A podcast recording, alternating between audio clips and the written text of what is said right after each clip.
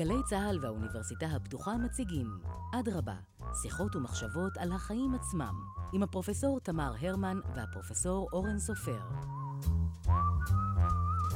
היי אורן. שלום תמי. אנחנו uh, ממשיכים uh, בהכנות הנפשיות והאחרות שלנו לקראת הבחירות נכון. המתרגשות ובאות. ואנחנו מאוד uh, שמחים שיש לנו הבוקר uh, אורחת uh, כל כך uh, רבת פעלים. פרופסור קרין הון, היא מכהנת כפרופסור חבר במרכז הבינתחומי בהרצליה ובאוניברסיטת וושינגטון. היא בעיקר מכהנת כנשיאת איגוד האינטרנט הישראלי, שלא אגיד שנשים לא מגיעות לתפקידי מפתח לגמרי. בחברה הישראלית. לא חשבתי על זה. קרין רבת פעלים, היא בהחלט דוגמה למישהי שכן מגיעה. אני זוכרת שהייתם יחד בצבא. ברור, נכון. בטח. מה, את לא זוכרת? רגע, כל השנים האלה ואת לא זוכרת? די. אז מאיפה אנחנו מכירים, קארין? לא יודעת, זאת שאלה טובה. מה קרה לך? ברור, היינו יחד בצבא. היינו ב-8200 יחד? היינו יחד ב-8200, בהחלט. אוי, מותר להגיד 8200? מותר להגיד 8200, אני חושב שדברים אחרים אסור, אבל 8200 אה, מותר, כן. וואי, עכשיו החזרנו אותי. נשלים אה, אחרי זה. אתם הולכים כל שנה לכנס של 8200 ו... אה, אני לא הולך, אבל קארין יותר הייטקיסטית ממני. לא, לא, אבל אני גם... אה, יש שם קבוצת נשים, יש שם אה, מנטוריות לנשים, יש שם קבוצה נהדרת של נשים מנטוריות שמעודדות נשים צעירות, וזה, רק זה, אני עושה לי את ה... כל מה שקשור לאיזשהו... שירות הצבאי שלך, אתה מחקת לא, אותו. לא, האמת ששירות צבאי עוד מילא, אבל כל מה שקשור לסוג של פגישת מחזור, או ריוניון, או משהו כזה, לא אני. לא תמצאו אותי שם. אני הלכתי פעם אחת לפגישת מחזור של התיכון, הסתכלתי על אנשים ואמרתי, מי זה הזקנים האלה? מה יש לי בכלל לשבת איתם? הם לא נראו לי בכלל רלוונטיים לה. טוב, נחזור לענייננו. בחירות, אה, בכל אופן, נשיאת איגוד האינטרנט הישראלי. ספרה גויים ויירל, שחוקר את התהליך של ויראליות של מידע והשפעתו על החברה, זכה בפרס האגודה הבינלאומית למדעי המידע. פרס פינקלר? ופרס המצטיין של איגוד הספרנים בארצות הברית. אני שמחה לשמוע שבארצות הברית יש ספרנים ולא רק ספרניות, אבל זה נשמע לי uh, מכובד ביותר. ובחירות באינטרנט, זה נראה לי אחד הנושאים שהיום uh, אי אפשר להימלט מהם, רוצים או לא רוצים. ובאמת אנחנו נשוחח איתך על, ה, על הנושאים האלה. אבל אנחנו נתחיל באופן uh, קצת יותר כללי, ואנחנו נשאל אותך, תני לנו קצת רקע על הנוכחות של הרשתות החברתיות בשדה הפוליטי באופן כללי. עדיין נגיע לבחירות בהמשך.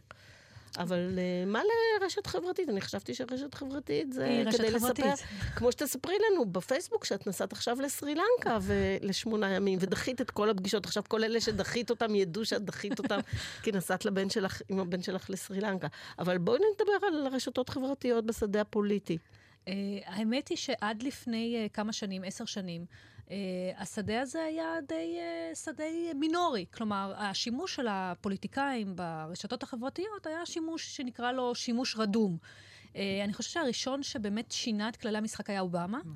אה, הוא נכנס והתחיל להשתמש גם ביוטיוב, וגם התחיל להשתמש אה, בפייסבוק, זה היה ממש בתחילת הדרך, אבל יוטיוב זה היה ממש הנקודה החזקה. התחיל להעלות וידאוים ויראליים, מי הבין אז מה, מה הרעיון, ואז זה גם היה איזשהו סוג של שימוש, נקרא לזה נאיבי, כי איפה אנחנו אז בדיוק. ואיפה אנחנו היום. יש מרחק עצום בין מה שהיה אז לבין מה שהיה היום, ובעיקר בכל מה שקשור למניפולציה, אני נכון, חושב.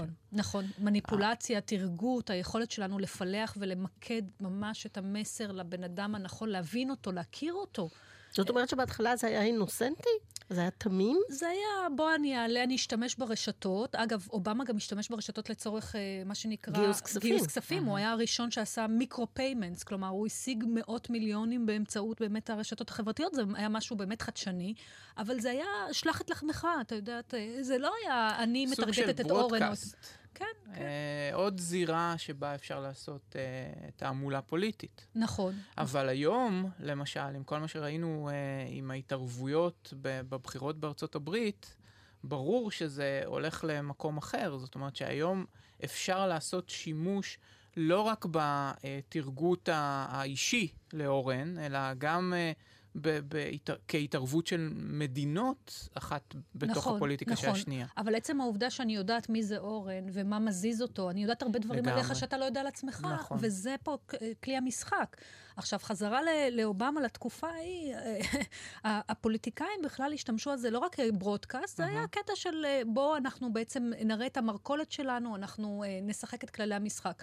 באמת, אנחנו לא נמצאים שם. להזכיר לכם, גם הפלטפורמות היו בתחילת הדרך. 2008, 2008 פייסבוק הייתה עוד בתחילת הדרך. אה, למעשה, הפיד של פייסבוק, ראינו אותו. היום אנחנו כבר לא רואים אותו. אנחנו בעצם, כשאתה, יש לך אה, אלפי חברים, אתה לא רואה את אלפי החברים, אתה רואה אה, סכום, מספר מאוד זעום של אנשים. ואז גם היה יכולת לראות גם את המסרים של אחד של השני. זה לא אומר שראינו באמת בפועל, ובאמת התווכחנו אחד עם השני. אה, אנחנו יודעים שהייתה גם אז, אה, התופעה של אהבת הדומה הייתה מאוד חזקה, ואנשים היו במחנות שונים. אבל היום, אתה צודק, אנחנו נמצאים היום במצב אחר לגמרי. כולם משחקים בקדרה הזאת ובוחשים בה, וזה מצב מסוכן אגב. כי אין, אין קווים אדומים. וברגע שגם מדינות משחקות שם, גם בעלי אינטרסים, גם uh, קמפיינרים, גם פוליטיקאים, גם uh, חברה אזרחית, כולם שמה ואין uh, חסמים, אנחנו לא יודעים לאן זה מגיע. אני רוצה להחזיר אתכם לתקופה הנאיבית, שאמרה שהרשתות החברתיות יהיו כיכר העיר החדשה, ויחזקו את הדמוקרטיה, וכל אחד יוכל לומר את דברו. Uh, הייתה תקווה גדולה. אני זוכרת את uh, התקופה הזאת, שלא הייתה כל כך מזמן, ואמרו, הנה, אנשים יכולים לקבל קול מבלי להיות מתווכים על ידי אמצעי התקשורת הקלאסיים, כמו הפודקאסט הזה שלנו, שאנחנו אומרים מה שאנחנו רוצים, אבל השומעים תפלק, לא יכולים להגיד שום דבר על מה שאנחנו אומרים. במובן מסוים... איפה, איפה, איפה הדרך הזאת, אה, מה, מה היו המעקשים שהסיטו אותה בעצם באמת מהכוונה, אה, או מה, מהציפייה שזה יהיה המקום שכולם יוכלו לדבר עם כולם? לדבר את יכולה, השאלה מי שומע. זאת אומרת, אני חושב שהעומס, או ה, אה, זה שכולם רוצים לדבר, יוצר סיטואציה שבה הכל נעלם בעצם. כן, אבל אנחנו, לא יודעים, אנחנו יודעים שלא כולם מדברים. כלומר, נכון, אנחנו יודעים לא שאחוז כולם מאוד קטן מדברים. מייצר נכון. את התוכנים. נכון, אבל גם לאחוז הזה את נחשפת אה, נכון. בתיווך אלגוריתמי, ובעצם האלגוריתם הזה לוקח בחשבון סוגיות שהן קרובות לאלה שהיו פעם ב- בתעשייה. אבל אתה עושה הנחה, אני חושבת, כי ב- ב- בסופו של דבר, אני חושבת שהאנשים שבנו את האינטרנט, שעיצבו את האינטרנט, באמת היה להם איזשהו חלום באמת אידיאלי של האינטרנט כמקום מבוזר, מקום שכולנו נגיע לכל מידע. ו- למרות שפה בתחנה הזאת חיפשו את המנהל של האינטרנט, נכון? את האחראי על את האינטרנט. האחראי על האינטרנט. אה, ולמעשה, האנשים, היום אנחנו נמצאים במקום אחר לגמרי. אני חושבת שמוקדי הכוח הבינו שברשתות, במרחב הזה, זה המרחב הפוליטי, זה המרחב החברתי שבו נעשים דברים. אז אני רוצה שתרגיעו רגע, מפני שאנחנו שאלנו שאלה בסקר בשבוע שעבר, מה הם מקורות המידע העיקריים שלך על הפוליטיקה? ועדיין הטלוויזיה יצאה במקום ראשון, בצורה מאוד משמעותית. זה מפתיע, אגב, כי בארצות הברית זה, זה האינטרנט. אז אנחנו כבר אה, שתי מערכות בחירות בודקים את זה, ועדיין הם אומרים טלוויזיה. כמובן שזה עניין גילאי. זאת אומרת, כאשר אנחנו מפלחים לפי גיל, אז אנחנו רואים שבשכבות הגיל היותר צעירות, אה, הרשתות החברתיות נכנסות לשם. אבל בגדול אני חושבת שכדאי גם לחשוב האם זה באמת, אנחנו לא יוצרים איזה moral panic, איזה מין היסטריה כזאת של החשש מהרשתות החברתיות, בעוד, בעוד שאנשים ניזונים מחברים, ממשפחה וכולי. זאת אומרת, האם הרשתות החברתיות הן באמת קובעות את הפוליטיקה כפי שאנחנו... אה, זה לא אה, הרשתות? החברתיות, זה האינטראקציות שאנחנו עושים ברשתות החברתיות. אה, לא צריך להגיע לפאניקה, אבל כן צריך להגיע למצב שבו אנחנו מבינים ונקרא לזה צורכים בצורה ביקורתית את מה שאנחנו קוראים. כי מה שקרה, עברנו ממצב שבו באמת הייתה תקופה נאיבית, שבו אדם לאדם דיבר, ואתה האמנת שכל מה שאתה רואה בפיד שלך, זה בעצם מה שאתה רואה בחברה, למצב של היום, שאנחנו אומרים, רגע אחד, אנחנו לא מאמינים למה שקורה אצלנו, אנחנו לא יודעים מי הבן אדם שאנחנו מדברים איתו, אנחנו לא יודעים מי מפעיל אותו מאחורי הקלעים, וגם באמת לאור החשש בארצות הברית, אפרופו בחירות, מה שקרה בארצות הברית, ההטיית בחירות, וזה לא רק היה בארצות הברית, זה גם היה באירופה, זה גם היה בדרום אמריקה. כלומר, אנחנו, יש לנו, אנחנו מגיעים למערכת בחירות הזאת למודי, נקרא לזה, לקחים.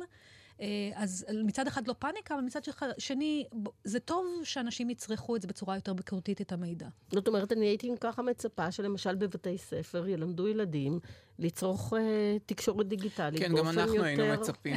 אה, זה לא כל כך קורה, אבל אה, כן, אה, כן היינו מצפים שזה יקרה, גם, גם האנשים שעוסקים בתקשורת ב, בוועדות הרלוונטיות, אבל זה, זה לא פשוט. זאת אומרת, אה, יש אה, דיבור על, אה, על אוריינות תקשורת, הוא עוד מאוד בחיתולים, ובאופן, גם כהורה במערכת, עיקר ההתעסקות היא בסוגיות שקשורות לפאניקה באמת, כלפי ההיבט גם המיני,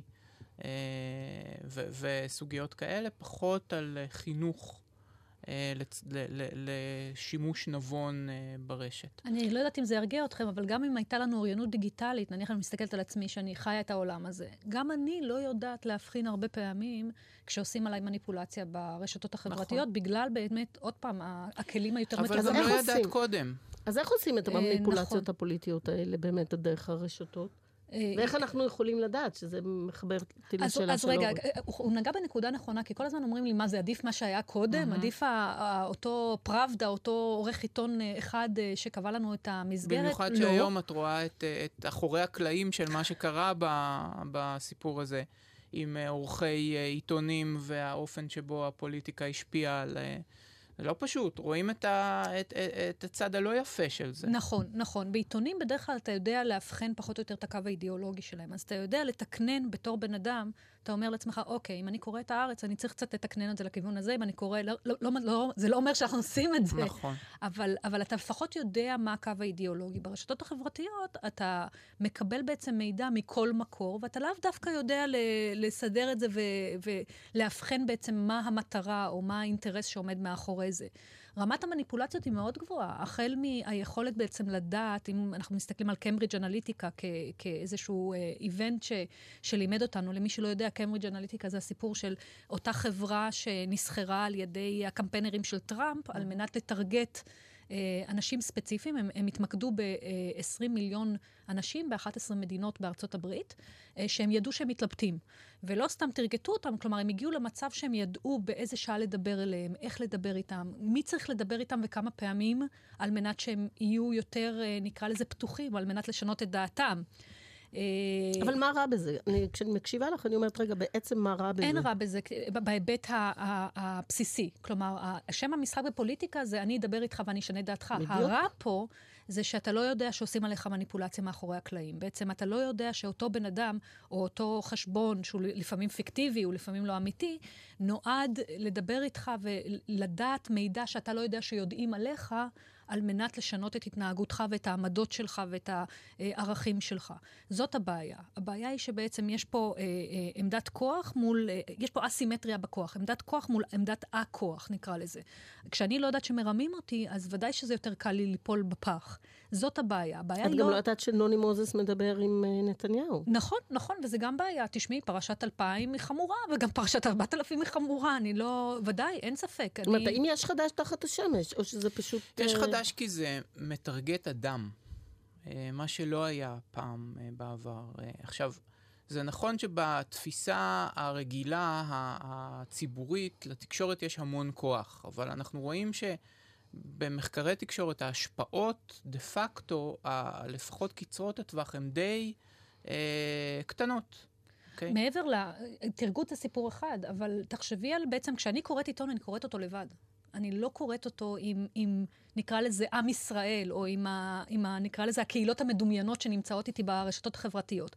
ברשתות החברתיות יש איתי קהלים שלמים שמשפיעים על ההתנהגות שלי, מי כמוך יודע את זה. הקבוצה משפיעה על ההתנהגות. אז למשל, סתם דוגמה, אם אני נכנסת לפוליטיקאי מסוים ואני רואה שכולם נגדו, או הרוב נגדו, ועוד פעם, חצי מהם אנחנו יודעים שזה פיקטיבי ו- ומטעם, אני לא יודעת את זה. אני מסתכלת ואני אומרת, וואו, השיח כולם נגדו. אז, אז אם אני נגדו, אם אני נגד אותו פוליטיקאי, נהדר, אני מצטרפת לכל העדר הזה. זה נותן לי איזשהו גושפנקה להתקיף אותו עוד יותר. ועכשיו, אם אני אה, דווקא בעדו, אני אומרת, רגע אחד, אבל... מסע כול... ציד. בדיוק, אז, אז, אז אולי אני צריכה לשתוק. עדיף לא לעשות כלום, זה, אתה מקבל ספירלת שתיקה. אז... אז ההבדל הגדול זה מצד אחד תרגות, אבל מצד שני גם בעצם אנחנו פה נמצאים באיזושהי ספירה אה, של קבוצה. אנחנו כבר לא קוראים את העיתון לבד, אנחנו לא צורכים את המידע אחד לאחד. עכשיו, ברגע שיש קבוצה, יש מאבקי כוחות. אבל אנחנו לא מודעים למה הם מאבקי הכוחות האמיתיים, וכאן מתחילה הבעיה. יכול להיות שזו לא קבוצה אמיתית, אלא נכון. זה קבוצת בוטים, שבעצם אה, מייצרת אה, לי כאילו אה, תכנים. אה, אנחנו שומעים המון את המונח בוטים, את יכולה להסביר לנו את זה? הבוטים נוהרים לקלפיות. כן. אז... אה, באוטובוסים. באוטובוסים, כן, כשמעבירים אותם אה, עמותות השמאל. אה, בוטים, בוטים בעצם זה תוכנות תעמולה מחשובית. יש בוטים, אגב, בנושאים שונים, אבל בהקשר של בחירות זה, זה חשבונות פיקטיביים שמופעלים בצורה מלאה, או נקרא לזה רבה, בצורה אלגוריתמית ולא על ידי אנשים. היתרון של בוטים בעצם, שאנחנו מפעילים אלפי או עשרות אלפי חשבונות בבת אחת, שמטרתם מצד אחד להדהד מסר של פוליטיקאי זה או אחר, ומצד שני, אה, לעצור, כלומר, מסרים שלא טובים. כלומר, להתקיף נניח יריבים, אה, לשנות את סדר היום הפוליטי. כלומר, להציף נושאים שאנחנו לא רוצים לדבר עליהם, כמו שהיה בסיפור של הילרי קלינטון, שהנושא של, ה, של הסקנדלים של האימייל פומפם כל הזמן, כל הזמן, ו, ולא הגיעו לנושאים האמיתיים של נושא ביטחון, חוץ ו, ובריאות וכדומה. הבוט גם יכול אה, לכתוב בעצמו. זה מה שעשיתם ב-8200? לא. איפה? הזמן שלנו לא היה בוטים. שנות ה-90 העליזות לא. רציתי לא לתת לשומעים איזה רמז שאתם אה, ממש up to date מבחינה... לא, לא היינו אז. היה אה, איינשטיין, למי שזוכר. בדיוק. ומה קורה בישראל במובנים האלה? יש שימוש לדעתי בבוטים. אנחנו גם רואים בתגובות, אחד האתרים הפעילים ביותר בפייסבוק הוא האתר של ראש הממשלה, ואנחנו רואים שם הרבה מאוד uh, הודעות uh, חיוביות ברובן. שלא בדיוק ברור מה המקור שלהן. ומצד שני, בעצם מוחקים או עושים נכון. הסתרה של דעות שליליות. אה, אנחנו, כן, אנחנו, אה, אני יכולה להגיד רק שנפגשתי כמעט אה, עם כל נציגי המפלגות שהביעו חשש לגבי מה הולך להיות במערכת הבחירות הזאת. אנחנו נמצאים 36 ימים, פחות או יותר, לפני הבחירות. והם כולם מודאגים, כי עוד פעם, הפערים, מי שיודע להשתמש בטכנולוגיה טוב, ובוטים זה סוג של שימוש mm-hmm. מאוד מתוחכם בטכנולוגיה, יש לו יתרון על פני אחרים. היום היכולת שלי להגיע לאנשים רבים, אני לא משתמשת בטכנולוגיה, היא יכולת אפסית. אה, ופה אני יכולה בעזרת אה, גם התרגות, גם היכולת שלי להדהד מסר חדש וחזק שוב ושוב, ואיך אומרים אה, בתקופה הסובייטית, היו אומרים, תהדהד את אותו מסר הרבה פעמים, גם אם הוא שקר, הוא בסוף יהפוך לאמת. שיטת השקר הגדול. איך הכסף משחק פה תפקיד? המון כסף. אנשים חושבים שרשתות חברתיות, הם אה, אפשרו בעצם, זו הייתה חשיבה נאיבית, שאפשרו לנו בעצם, לפוליטיקאי, להגיע בעצם לציבור בחינם. אנחנו כבר לא נמצאים שם. אנחנו יודעים היום שבשביל להגיע, לייצר בוטים, לייצר אה, נפח שיחה בכיוון שאתה רוצה, המון כסף נשפך על זה. הקמפיינרים של טראמפ הוציאו, הערכה הייתה של מאות מיליונים דולרים על הדבר הזה. אז, אז אני מניחה שגם בישראל אה, הרבה כסף נשפך על העניין הזה, וזה, עוד פעם, זה מסרים, זה היכולת שלך להשתמש בתוכנות, זה, זה, לא, זה לא, בוא נגיד ככה, פוליטיקאי שלא מצויד בכספים, תהיה לו בעיה אה, להיכנס למשחק הזה בצורה שוויונית. שזה אומר שנציגים של קבוצות חלשות יותר, הסיכוי שלהם באמת אה, לשחק על הזירה הזאת. לא שזה לא היה נכון בעבר, אנחנו יודעים שכל המיתוס הזה של מהבקתה בהרים לבית הלבן, הוא אף פעם לא היה באמת אמיתי, הם, אבל... הם תלויים אבל... בך ובי, הם תלויים בעצם בבטם אפ, מה שנקרא, בציבור. הבעיה היחידה, הם תלויים ביכולת שלנו לייצר ויראליות בתור קהל, אבל הבעיה היא שרוב הזמן הוויראליות הזאת לא נוצרת. אה, אז כאן אנחנו בבעיה. באמת ה... אנחנו רואים אבל איזשהו שינוי מדיניות של אה, הרשתות אה, בעקבות מה שקרה בארצות הברית? הרשתות החברתיות, בואו נדבר בעצם על, ה, על הפיל בחדר. הפייסבוק, שהיא בעיקר mm-hmm. זאתי שעומדת בביקורת ו, ומנסה להדוף את גלי הביקורת, נמצאת במקום אחר ממה שהיא הייתה בעבר. אה, זה נכון שהיא עדיין אה, גוף מאוד חזק. אבל א', את הזכרת את הצעירים, הצעירים כבר לא נמצאים הרבה בפייסבוק, הם נמצאים בוואטסאפ, שגם אגב שייכת לפייסבוק ושייכת לאינסטגרם.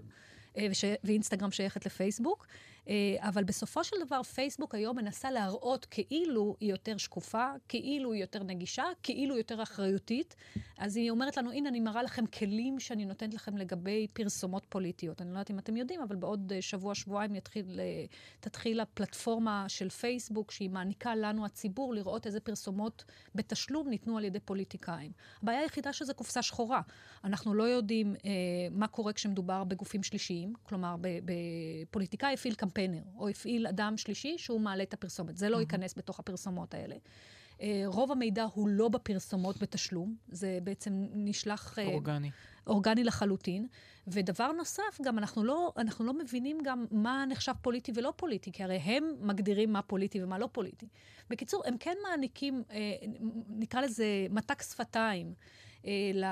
לציבור, אבל בואו נהיה כנים, עצם העובדה שפייסבוק היום היא, ה, היא היד על השיבר בעצם, המחוקק פה וה, והמדינה אין לה הרבה כוח, יוצר מין בעייתיות, כי, כי כללי המשחק שם שונים לחלוטין בעצם מהחוק. והחוק, אגב, במדינת ישראל בנושא תעמולה הוא מאוד ארכאי.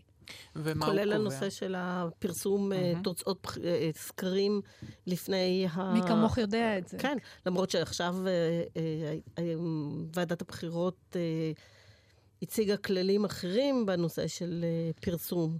נכון, ועדת הסקרים בעצם קיבלה את אחת ההמלצות... ועדת הבחירות. ועדת הבחירות, סליחה. ועדת הבחירות קיבלה את אחת ההמלצות של ועדת בייניש, שבאמת דנו באיך לעשות רפורמה בנושא התעמולה ונושא הבחירות.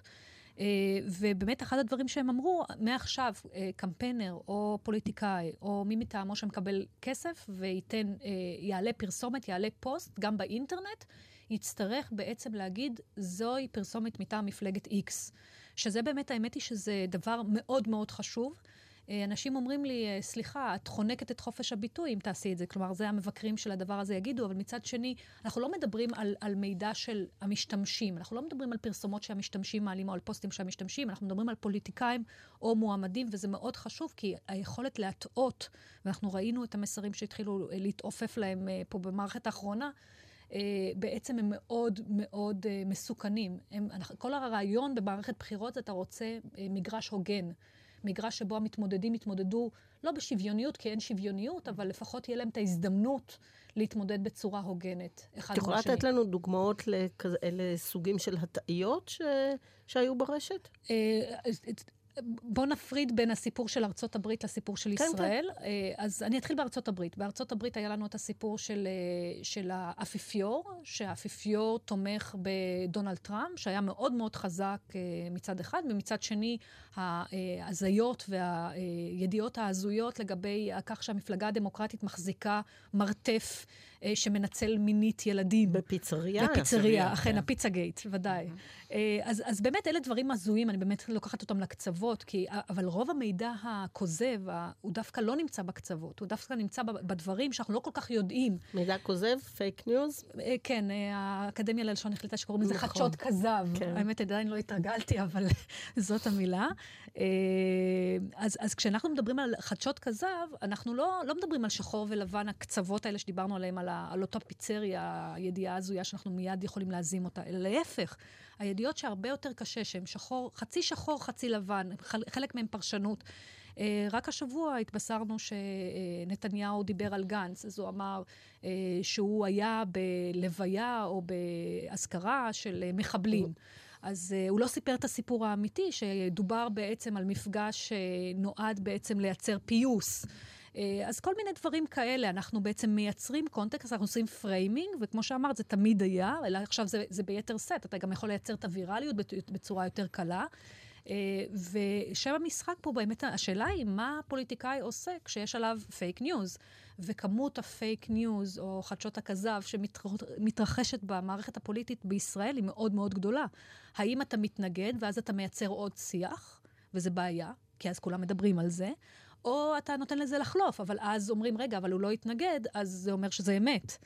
אה, לא פשוט, זו דילמה שכל פוליטיקאי עומד אה, בפניה בחודש, חודשיים האחרונים. יש כאן משהו ש... חדש באפיסטימולוגיה של, של כל ה... זאת אומרת, איך, איך מוכיחים... תסביר לנו איך, את המילה.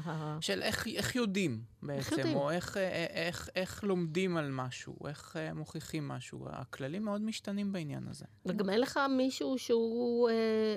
accountable, שהוא צריך לתת נכון. על איזה סיג, אה, איזשהו דין וחשבון. כי הנה עכשיו, אה, אתמול או הבוקר פורסמה הודעה מטעם ידיעות אחרונות, שהם בדקו שוב את תמליל השיחה עם טל רוסו. והוא לא אמר שתושבי אה, עוטף עזה הם באמת אה, בכיינים. אבל אפשר היה לפנות לידיעות אחרונות ולומר, חברים, אה, בבקשה תעשו את המהלך הזה של הבדיקה העצמית, ואם אכן פרסמתם ידיעת כזב, אז אתם צריכים להתנצל. מה אתה עושה עם זה אבל ברשת? זה עולם ברשת- ישן, בדיוק. לכן אני אומרת, בדיוק. מה אתה עושה עם זה. ברשת? ו- וזאת אחת הבעיות, כי אתה יכול לפתור את הבעיה ולהגיד אני מתנצל, אבל it's too late, מה שנקרא. זה מאוחר מדי והסוסים עזבו את האהובה. וזאת אחת הבעיות באינטרנט, הכל כל כך מהיר. עד שהמערכות, ה- נקרא לזה המסורתיות, היותר שאנחנו מעריכים אותן ומאמינים בהן, נכנסים לפעולה, אנחנו כבר בעצם... אה, בוא נגיד את זה ככה, רוב האוכלוסייה חושבת עכשיו שטל רוסו אמר שהעוטפי עזה הם בכייניים. ולך תוכיח תוכיח שאין לך אחות. אחות. בדיוק, בדיוק. אז איך בכל זאת אפשר לנסות ולהיות יותר אה, רגישים לסוג כזה של אה, שיח אה, מבחינה גם ציבורית? חוקית, מבחינה... גם חוקית וגם אתית מבחינת המוצר אז, הציבורי. אז קודם כל אני חושבת שחבל שהחקיקה של ועדת בייניש עוד לא עברה. אני רק אה, אזכיר ש... היית ש... חברה בוועדה, נכון? נכון, נכון, גילוי נאות, באמת גילוי הייתי... ח- נאות. אה, כן, כן, הייתי חברה בוועדה. ואת חושבת שהדוח הוא מופלא. לא, לא, אני חושבת שהוא היה נכון לזמנו. כל כך הרבה דברים השתנו מאז לפני שנה, אבל הוא היה לפחות דרך אחת של כיוון של שינוי. עוד פעם, להזכיר, החוק הוא מ-59. החוק מדבר על נשיאת לפידים. החוק מדבר על זריקת אור ועל uh, מטסים ועל כל מיני דברים שהיום אנחנו לא יכולים לחשוב עליהם בתור תעמולה. Uh, אז אני חושבת שהוא עשה כמה דברים טובים. אחד זה נושא השקיפות. אגב, שוועדת הבחירות באמת החליטה לקבל אותה, לצערי הרב, לא דרך חקיקה, אלא, אלא דרך פרשנות, כי עוד פעם, החקיקה לא עברה. אה, הדוח שלנו לא נגע בבוטים, זה היה מה שנקרא לפני הדרך של כן. הבוטים. אני כן חושבת שאחד, שאלת מה אפשר לעשות, אחד, נושא השקיפות של תעמולה הוא מאוד מאוד קריטי. עוד פעם, תקופת בחירות היא תקופה מאוד חשובה, ולכן אתה לא רוצה שיטעו את הציבור. אתה רוצה שהציבור יגיע לא- לאיזושהי החלטה מושכלת. אז זה דבר אחד, שקיפות, אבל זה לא פותר את כל הבעיות. אני חושבת שחשוב מאוד גם שהתקשורת המסורתית, אני הולכת להפתיע אתכם, תהיה זאתי, ש... או אחד, מהגו... אחד מהגופים, שכמו שאמרת, שאנשים יכולים להגיע אליהם ולהגיד, מה קרה? תסבירו לנו, מה האמת. אה, ודבר נוסף זה לעבוד באמת על האוריינות הדיגיטלית. לאפשר, כלומר. להגיע לאנשים ולתת להם להבין שהם צריכים לחפש כמה מקורות על המידע שלהם, ובעצם להגיע לאנשים שיבינו שהם צריכים לשאול את עצמם שאלות מאוד מאוד מאוד מהותיות לפני שהם לוחצים על כפתור אשר. תודה רבה, פרופסור קרינה הון. תמי, תודה תודה לכם. רבה. תודה לך, ואנחנו נחשוב על זה כשנלך ל- להצביע, מה גרם ליד שלנו ללכת ולתפוס עדיין את פיסת הנייר, כפי שהייתה, ביום הראשון שהצביעו אנשים במדינת ישראל. יש דברים שאף פעם לא משתנים. כנראה. תודה רבה. תודה, תודה. קארין. אדרבה, מגישים הפרופסור תמר הרמן והפרופסור אורן סופר, האוניברסיטה הפתוחה. עורכת נוגה קליין, מפיקות ליאור ארליך ודנה חיות שני. תודה למאיה להט קרמן ולאביה גל.